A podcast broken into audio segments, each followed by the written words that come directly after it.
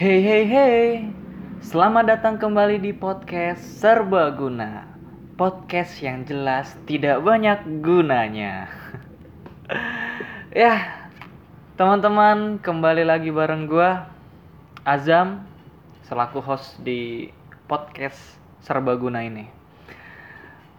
Eh, Sebenarnya episode kali ini episode personal kali ya. Episode yang gua bikin sendiri Jadi di tengah pandemi corona ini di Instagram lagi eh, banyak challenge until tomorrow. Gua nggak tahu itu siapa yang buat, cuma gua kena juga. Jadi challenge itu challenge yang kalau lu like foto orang itu lu bakal kena challenge itu. Tuh ya ch- challenge-nya lu share foto foto jelek lu lah, foto foto gembel aib atau apa gitu. Intinya itu. Dan kemarin gua share foto saat gua kena apa ya musibah. Kena musibah gua ditodong. Jadi gue bakal cerita tentang kejadian gue waktu itu soalnya sering banget sih orang nanyain apa ya ya teman-teman yang dulu tahu kejadiannya tiap ketemu tanya lagi tanya lagi tanya lagi gitu. Jadi capek lah gitu. Kalau gue harus cerita hal yang sama di setiap ketemu orang yang lain. Jadi gue bakal cerita aja. Langsung gue ceritain itu kejadiannya sekitar eh, tujuh tahun yang lalu Iya, sekitar tujuh tahun yang lalu tahun 2012 Desember. Pada awalnya, gua mau ke Jogja untuk libur tahun baru, libur semester waktu SMA. Tuh gue bertiga sama temen gua ke Jogja karena teman-teman gue banyak di Jogja. Soalnya ya gua SMP sampai SMA kelas 1 itu di Jogja. Nah, tiga mau liburan ke sana naik kereta. Tapi kita tuh nggak siapin keretanya, eh nggak siapin keretanya, apa? Kita nggak nyiapin tiket kereta dengan benar karena susah dapatnya. Walhasil kita percayakan pada apa namanya calo calo tiket waktu itu. Jadi kita datang janjian jam berapa malam waktu itu. Tapi kita belum megang tiket sebenarnya. Gitu. Jadi kita mau diselundupin aja atau kayak gimana lupa waktu itu. Nah gue bertiga sama teman gue janjian di stasiun Senen stasiun Pasar Senen gue sampai duluan dan gue nunggu teman-teman gue sampai di jam yang ditentukan itu nggak nyampe-nyampe mereka. Akhirnya kita ketinggalan kereta, kita terpaksa harus pulang karena itu kereta terakhir. Kalau nggak salah ya, kalau nggak salah itu kereta terakhir atau nggak tahu juga lupa deh pokoknya kereta terakhir atau enggak. Pada intinya eh, calo itu udah nggak bisa bantu di hari itu kita harus pulang. Ya udah kita pulang. Nah dari pulang inilah kita bapak ya gue memulai waduh tragedi menyedihkan gue sebenarnya. Jadi kita pulang kita memutuskan untuk kami ya kami. Kami memutuskan untuk pulang ke salah satu temen gua di Depok untuk melanjutin perjalanan besok pakai bis. Tuh. Oke, dari Pasar Senen, dari stasiun Pasar Senen, gua dan temen-temen pertama itu naik itu naik bajai. Naik bajai ke Jatinegara kalau nggak salah ya. ke Jatinegara terus lanjut. Angkot atau mikrolet M06A. Gue lupa jurusannya tuh jurusan mana ke mana gitu. Cuma gue naiknya kayaknya dari Jatinegara deh. Gue naiknya dari Jatinegara M06A. Ya udah naik lah biasa sampai di tengah jalan tuh. Nah di sini nih udah mulai. Uh, ceritanya udah mulai menegangkan. Eh, belum juga sih sebenarnya. Jadi ada pengamen dua masuk. Eh, sebelumnya sebelumnya tuh gue jelasin kondisinya. Kalau nggak salah ini seingat gue ya gue bisa banget lupa. Itu di dalam angkot di depan di depan bagian depan itu ada supir ya iyalah ada supir dan di sampingnya ada dua orang penumpang perempuan kalau nggak salah. Oke habis itu gue masuk. Bertiga kami bertiga masuk.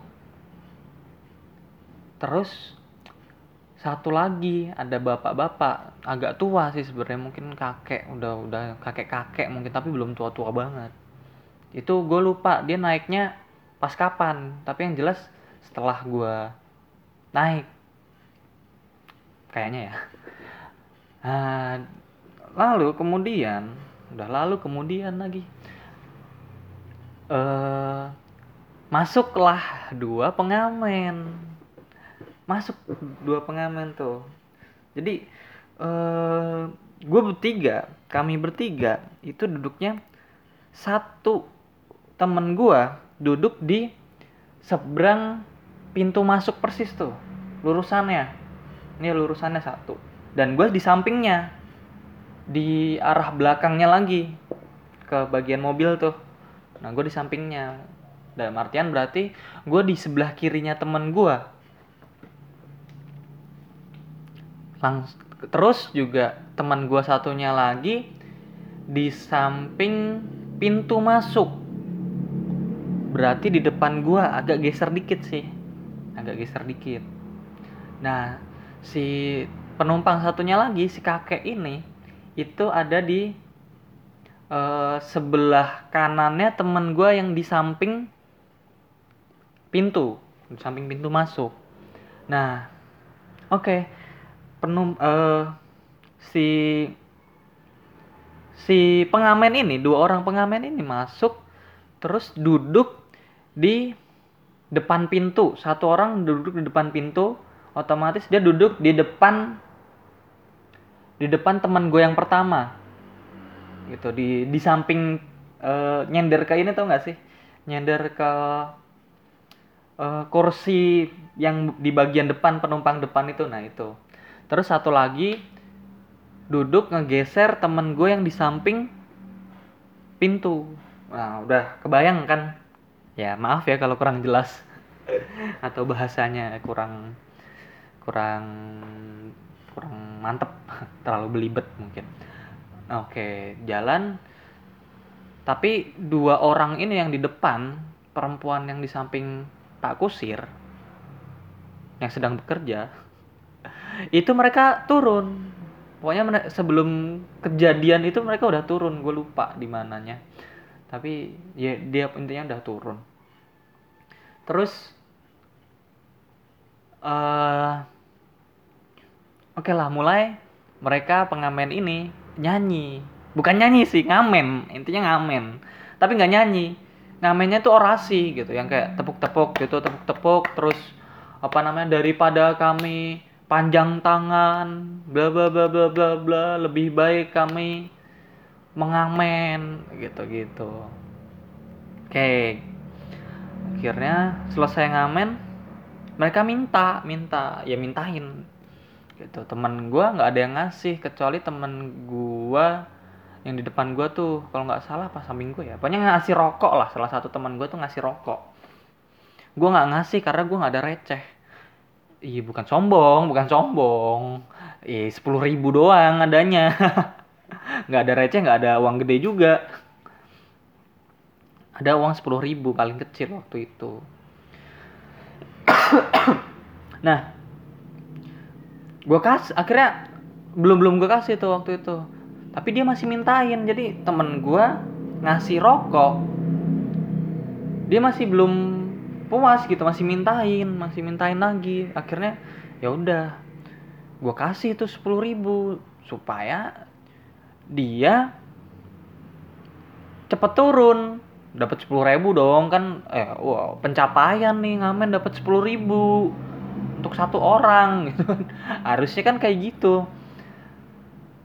Oke salah uh, oke selesai ngamen dia udah diem tuh udah anteng terus sampai sebelum pasar apa apa gitu satu satu orang dari mereka tuh turun sebenarnya berhenti angkot tapi satu dari mereka bilang jangan ntar depanan lagi Oke lanjut lah angkot itu. Nah temen gue yang samping gue ini, yang samping gue persis udah bilang Zam, ayo turun. Mungkin dia udah firasat atau kayak gimana. Ya kalau gue kan bingung ya, gue belum bisa baca keadaan. Namanya baru di Jakarta. Ya gue mah nggak tahu kan harus kayak gimana. Ya udah akhirnya gue, kami bersama pengamen itu di dalam angkot masih jalan. Masih jalan. Nah dari sini temen gua yang di depan gua ngeluarin blackberry-nya. Wah blackberry dong. Zaman itu masih bagus banget masih keren blackberry soalnya HP gua aja cross waktu itu. Yang keyboardnya keypadnya peletak-peletak kalau dipencet. Itu tuh BlackBerry masih mahal masih bagus banget. Mewah lah. Udah teman gue buka BlackBerry-nya mainan kan entah chatting BBM atau kayak gimana. Nah yang de, uh, pengamen yang di samping dia udah ngelirik. Tanyain lah ya pokoknya diminta BB-nya minjem dong itu BB-nya gitu gitulah pokoknya. Digitu gituin kan. Terus teman gue ya nggak mau lah gitu kan. Jangan bang jangan bang. Ini ini ini ini ini, ini. Gitu ini BB gue gitu gitu ya udahlah. Uh, lama kelamaan si pengamen ini ngeluarin pisau ditodong temen gua. Buset ini angkot keadaannya masih jalan. Ini kok masih jalan nih. Kayaknya 40 km dah per jam. Nggak kenceng sih sebenarnya cuma ya kenceng. Gimana sih? Ya udah lanjut. Wah gue juga panik dong. Temen gue ditodong terus gue bingung harus bersikap kayak gimana. Temen gue ditodong nih. Ya udah entah ini gue formalitas atau bener-bener mau ngebelain temen gue ya akhirnya gue bertindak. Gue bilang bang jangan bang. Itu temen gue bang. Kasihan. Gue bilang kayak gitu. Akhirnya si pengamen yang nodong ini pengamen yang tiba-tiba dalam beberapa detik berubah profesi menjadi penodong pindahlah dia di samping gue pek duduk dia. Nodong gua. HP lu sini. Udah nempel sama perut tuh. Pisau. Gue bilang bang gue nggak punya HP bang. Nggak usah bohong lo gue tahu lo punya HP ya Allah batin gue uh, setelah kejadian itu sebenarnya gue mikir HP gue kan cuma cross ya kenapa nggak gue kasih? So ya gue takut sih sebenarnya. Gue takut kalau gue HP gue hilang lagi karena udah berkali-kali hilang HP gue ntar diomelin sama bokap gue ya Allah tak lebih takut bokap daripada mati. Ya udah tuh gue ditodong gue nggak ngasih. Gue nggak ngasih begonya gue nggak ngasih. Segala bohong gue nggak punya HP bohong yang jelek gitu loh. Nggak efektif. Akhirnya ya udah. Gue ditonjok muka gue gue pegang tuh tangannya yang nonjok gue kayak entah emosi atau udah siap gitu ya wah pede nih ribut ribut gitu kan. Paling beset beset beset dikit lah gitu. Ya paling nancep nancep berapa titik. Ya udahlah. Eh kurang ajar nih. Ih, Enggak kurang ajar dulu ya maaf dia temen gue cuma emang keadaannya lo brengsek waktu itu. Tapi kita udah maafan kok. Temen gue yang samping gue nih yang depan pintu persis loncat dia lompat ini dalam keadaan angkot masih berjalan dalam kecepatan kurang lebih 40 km per jam. Dan dalam keadaan gua mau jihad gua mau mau mempertahankan teman-teman gua udah siap perang siap tempur jihad visabilillah temen gua kabur dan tiba-tiba terbesit di otak gua. Wah ini solusinya. Aduh kacau itu. Temen gue loncat. Gua loncat. Aduh. Tolol. Gua juga tolol. Tapi temen gue loncat dan gue loncat dan gue nggak tahu tuh habis itu kejadiannya kayak gimana. Dan gue bakal ceritain uh, yang gue alamin aja. Temen gue loncat. Gue loncat. Dan gue tidak sadarkan diri habis itu. Pingsan. Gue pingsan.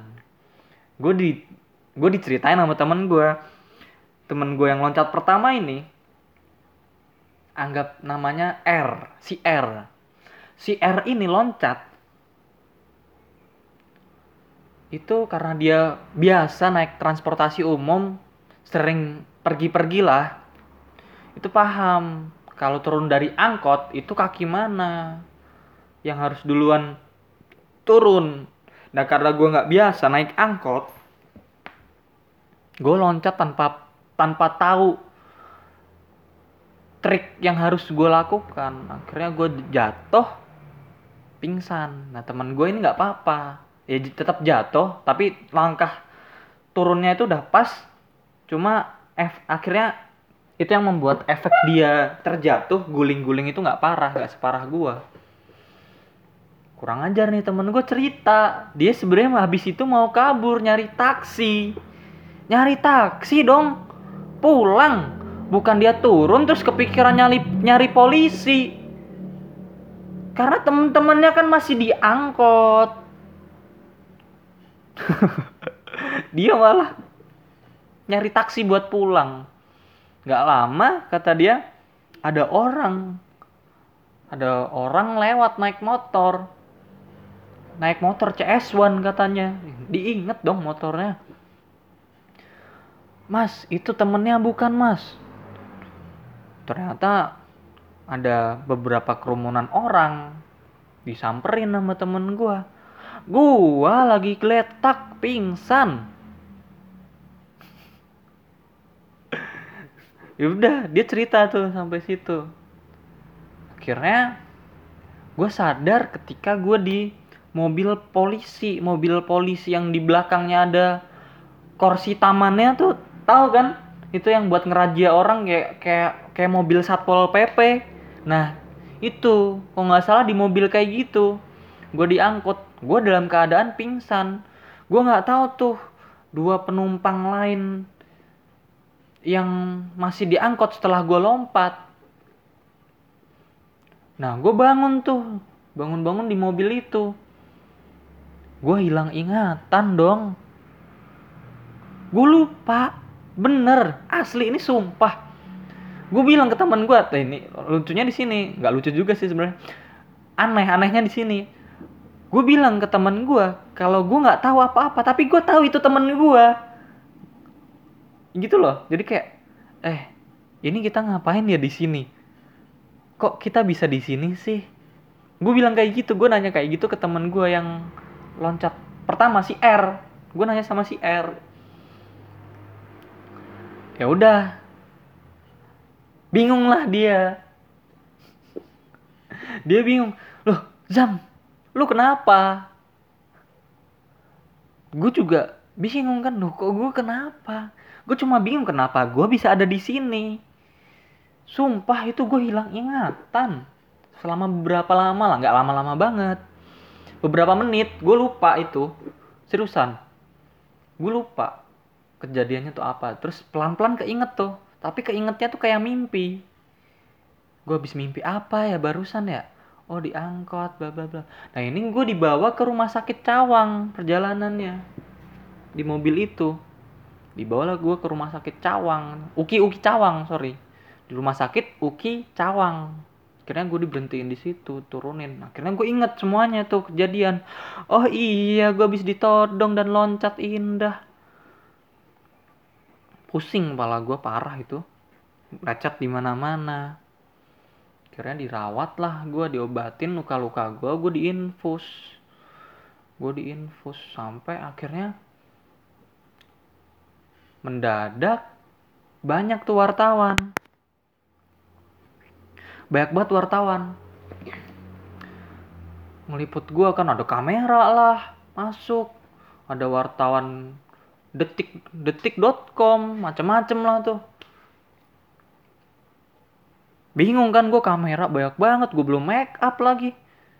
Aduh ini bakal jelek alhasil itulah foto tadi foto di Instagram gue udah.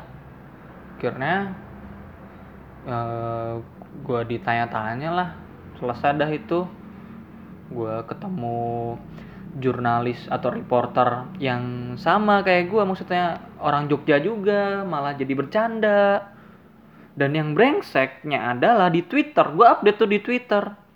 Teman gue orang Jogja si Dadang namanya gue inget temen gue di Jogja namanya Dadang. Nge-mention gue di Twitter.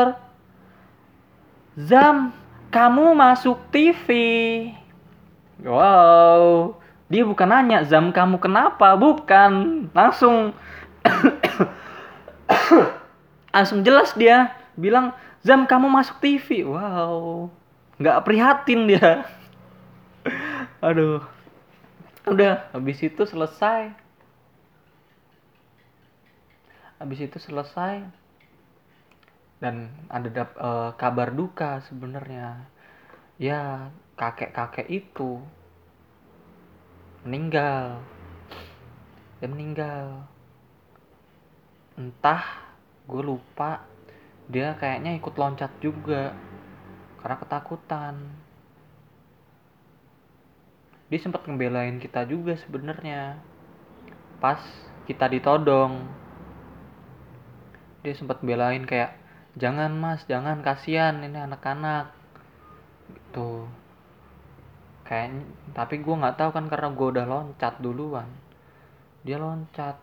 Ada yang bilang dia loncat dari jendela.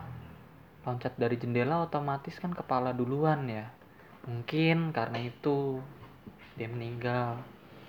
Mana dia bawa gitar kecil untuk cucunya katanya.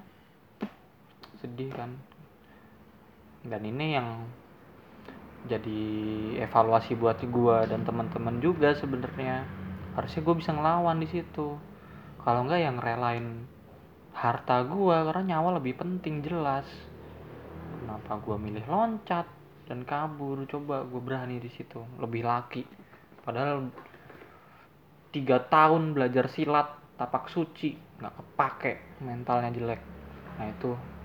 Oke lanjut cerita gue di rumah sakit sis akhirnya ada suster eh suster di Uki Cawang cakep-cakep cuy. Parah. Itu yang sedikit menghibur sih. Akhirnya sama susternya posisi kan gue di infus gue pakai oksigen juga. Tuh.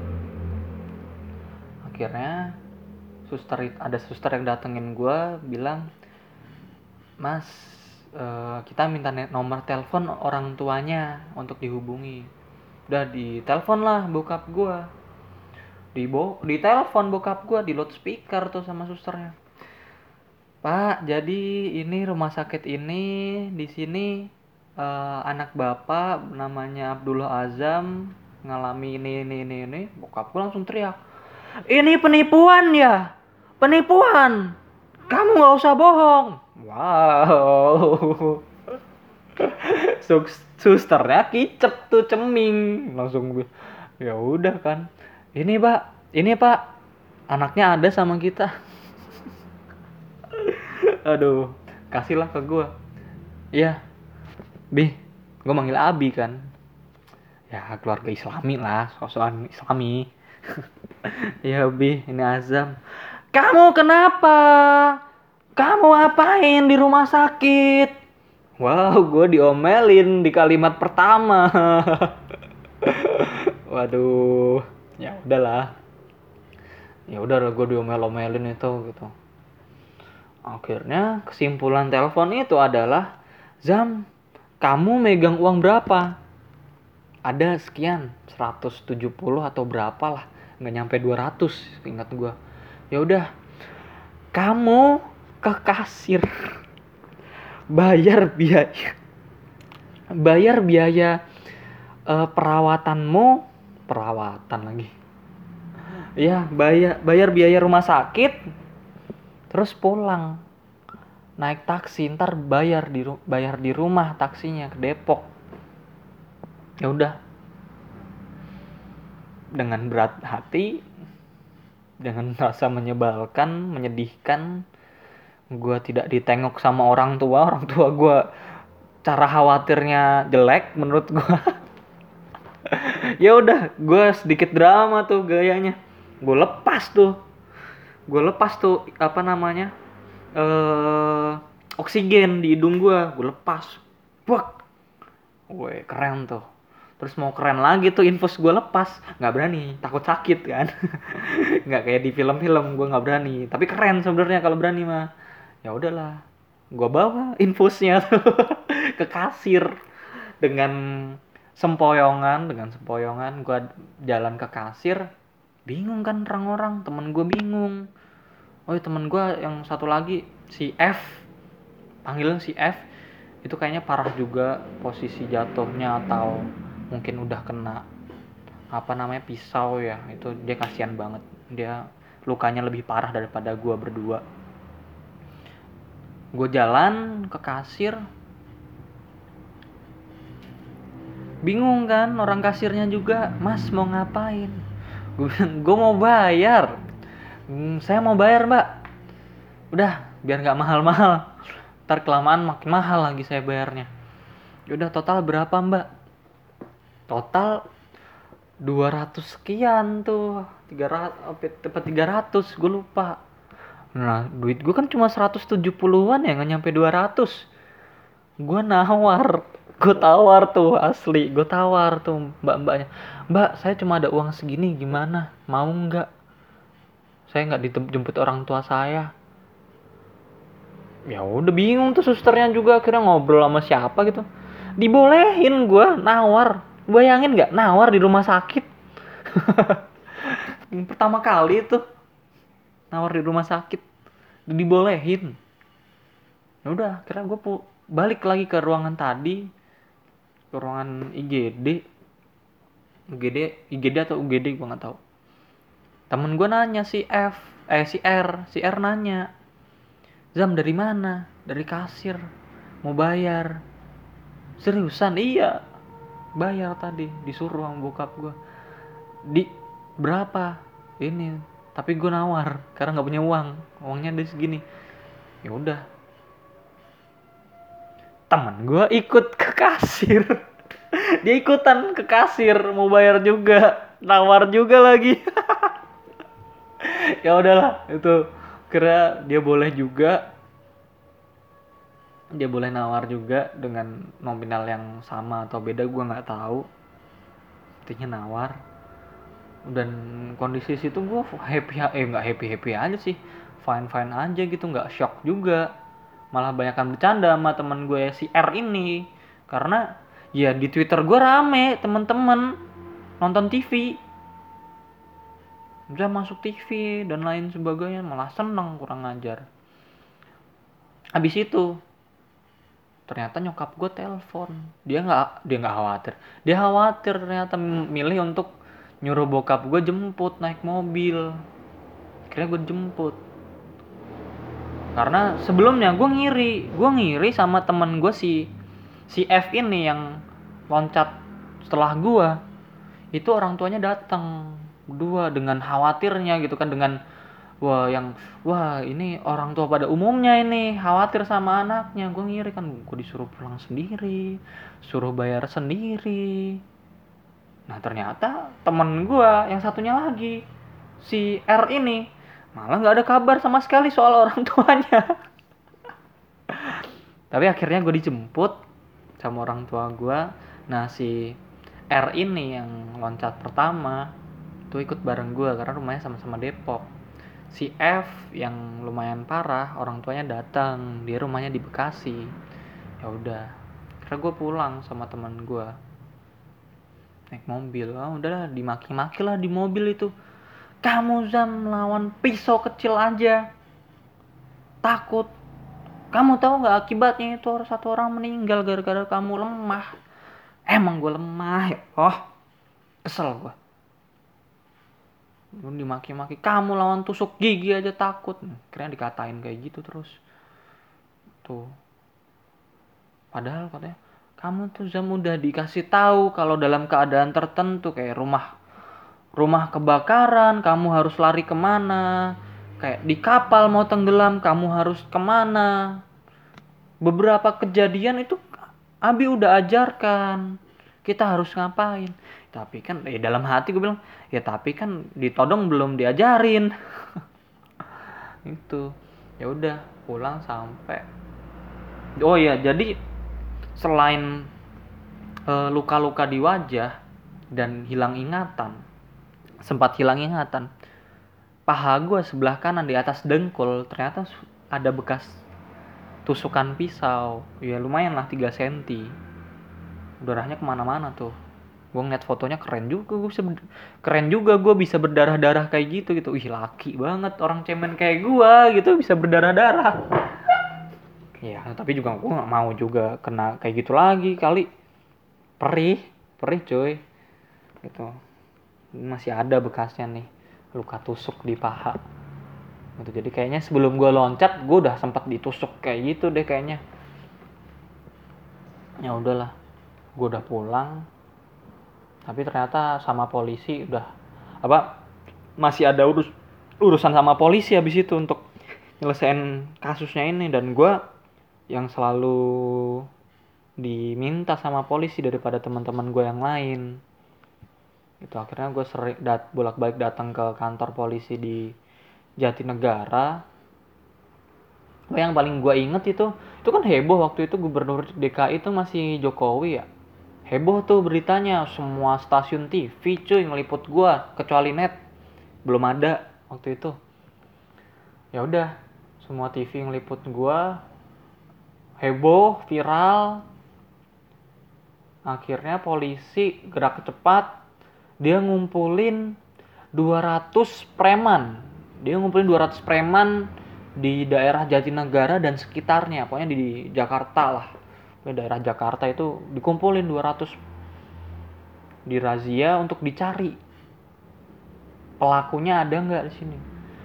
Dan gua sama si R datang tuh si F nggak datang gue berdua datang. Jadi gue berdua disuruh nyari di antara 200 pelaku ini. Eh 200 pelaku. 200 preman ini yang dikumpulin. Buset mereka dibarisin nih. Gue jalan ngelewatin mereka sambil natap mereka sambil meyakinkan diri. Duh siapa nih pelakunya? Gue nggak inget-inget banget mukanya kan? Gue lu bayangin nih 200 orang preman plotot-plototan sama gue sampai gue salah pilih abis ini gue gue takut banget ya SMA kelas 2 umur 16 tahun. Dalam keadaan kayak gitu gue shock. Gue ngedon sih gue ngedon kan shock. Gue ngedon. Gila serem banget ini. Dan akhirnya dari 200 orang itu nggak ada. Nggak ada yang pelakunya. Entah yakin atau enggak waktu itu gue nggak yakin juga karena gua nggak sebenarnya nggak yakin sama muka pelakunya. Lupa-lupa ingat cuy. Lebih banyak lupanya daripada ingatnya. Akhirnya udah bubar selesai dari situ.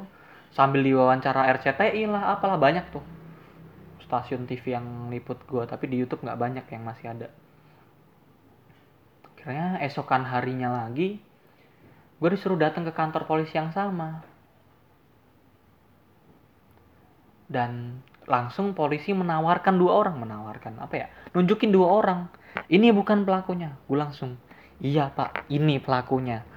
Yang awalnya lupa lupa inget tapi pas dilihatin mukanya wah iya nih bener nih mukanya nih sambil gimana ya? Ya itu wah yakin banget gue langsung iya ini dua orang nih.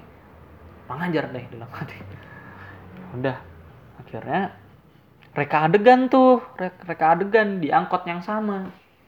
Jadi cuy si supirnya ini si supir angkot itu masih 13 tahun. Dia ditodong juga diancam juga untuk jalan terus. Jalan terus lo gitu. Dia diancam juga pas kejadian. Ya udah. Mereka adegan di situ ada supirnya juga. Ada gua sama si R. Si F nggak ada karena keadaannya udah parah. Mungkin masih masih belum sembuh belum bisa keluar uh, akhirnya ya udah. Mereka adegan tuh gue duduk di dalam angkot sama si R. Pelakunya nih masuk. Kemudian gitu kan masuk. Masuk ke angkot pas mereka adegan bilang misi dong. Dalam hati yes sekarang aja lu bilang misi. Semalam. Eh semalam. Kemarin-marin minta minta HP lagi. Kira minta-minta receh. Melonjak minta HP dalam hati. Ya gara-gara lu gue viral. Sekarang misi misi misi misi muka melas mampus lu. Tangkap dan ternyata mereka bilang kejad pas kejadian mereka dalam keadaan mabuk lem. Gue yang gue penasaran mereka mabuk lem lem apa? Jangan-jangan lem tembak tuh. Taruh di hidung dipanasin nyumbat itu hidung. Kayaknya itu sih. Tapi nggak tahu nggak lucu sih barusan. Oke. Jadi sampai situ. Sampai situ. Dan gua bertiga kami bertiga pertemanan kami hancur selek tuh gue asli dah. Gue gue sama si F selek tuh sampai berapa tahun mungkin. Sampai dua tahun baru ketemu lagi. Sampai akhirnya ya ya udah. Kita maaf maafan sampai akhirnya pada suatu hari gue udah kuliah akhirnya kita ke Jogja lagi bareng bareng tapi naik mobil. Mungkin kita trauma naik kereta ya itu aja sih mungkin. Jadi untuk teman-teman yang masih penasaran harusnya nggak nanya lagi ke gua ya udah cukup. Oke sekian aja udah lama ini. Thank you udah dengerin cerita gua. Nggak penting sih tapi terima kasih. Dadah